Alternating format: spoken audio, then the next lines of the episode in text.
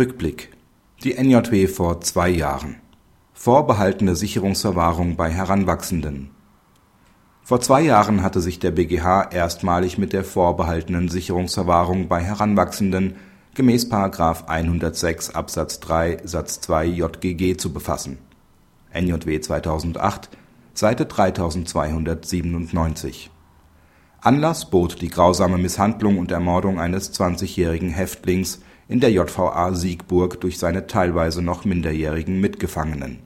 Die Vorinstanz hatte einen der Angeklagten deshalb zu einer Gesamtfreiheitsstrafe von 15 Jahren verurteilt jedoch nicht die Anordnung des Vorbehalts der Unterbringung in der Sicherungsverwahrung geprüft. Auf die Revision des Generalbundesanwalts wurde das Urteil aufgehoben. Denn auch wenn es sich bei § 106 Absatz 3 Satz 2 JGG um eine Ermessensvorschrift handelt, hätte sich die Vorinstanz in den Entscheidungsgründen mit der Anordnung des Vorbehalts der Sicherungsverwahrung gegen einen Heranwachsenden auseinandersetzen müssen, wenn, wie im vorliegenden Fall die übrigen Voraussetzungen des § 66 StGB gegeben sind, so die Richter.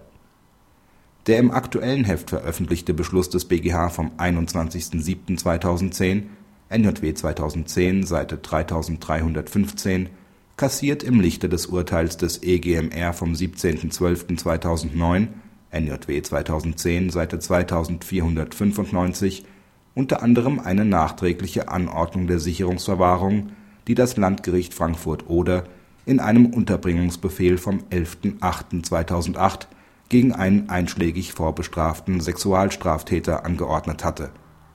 Angesichts des genannten Urteils des EGMR halte die Ermessensausübung der Vorinstanz einer revisionsgerichtlichen Überprüfung nicht stand, so der fünfte Strafsenat.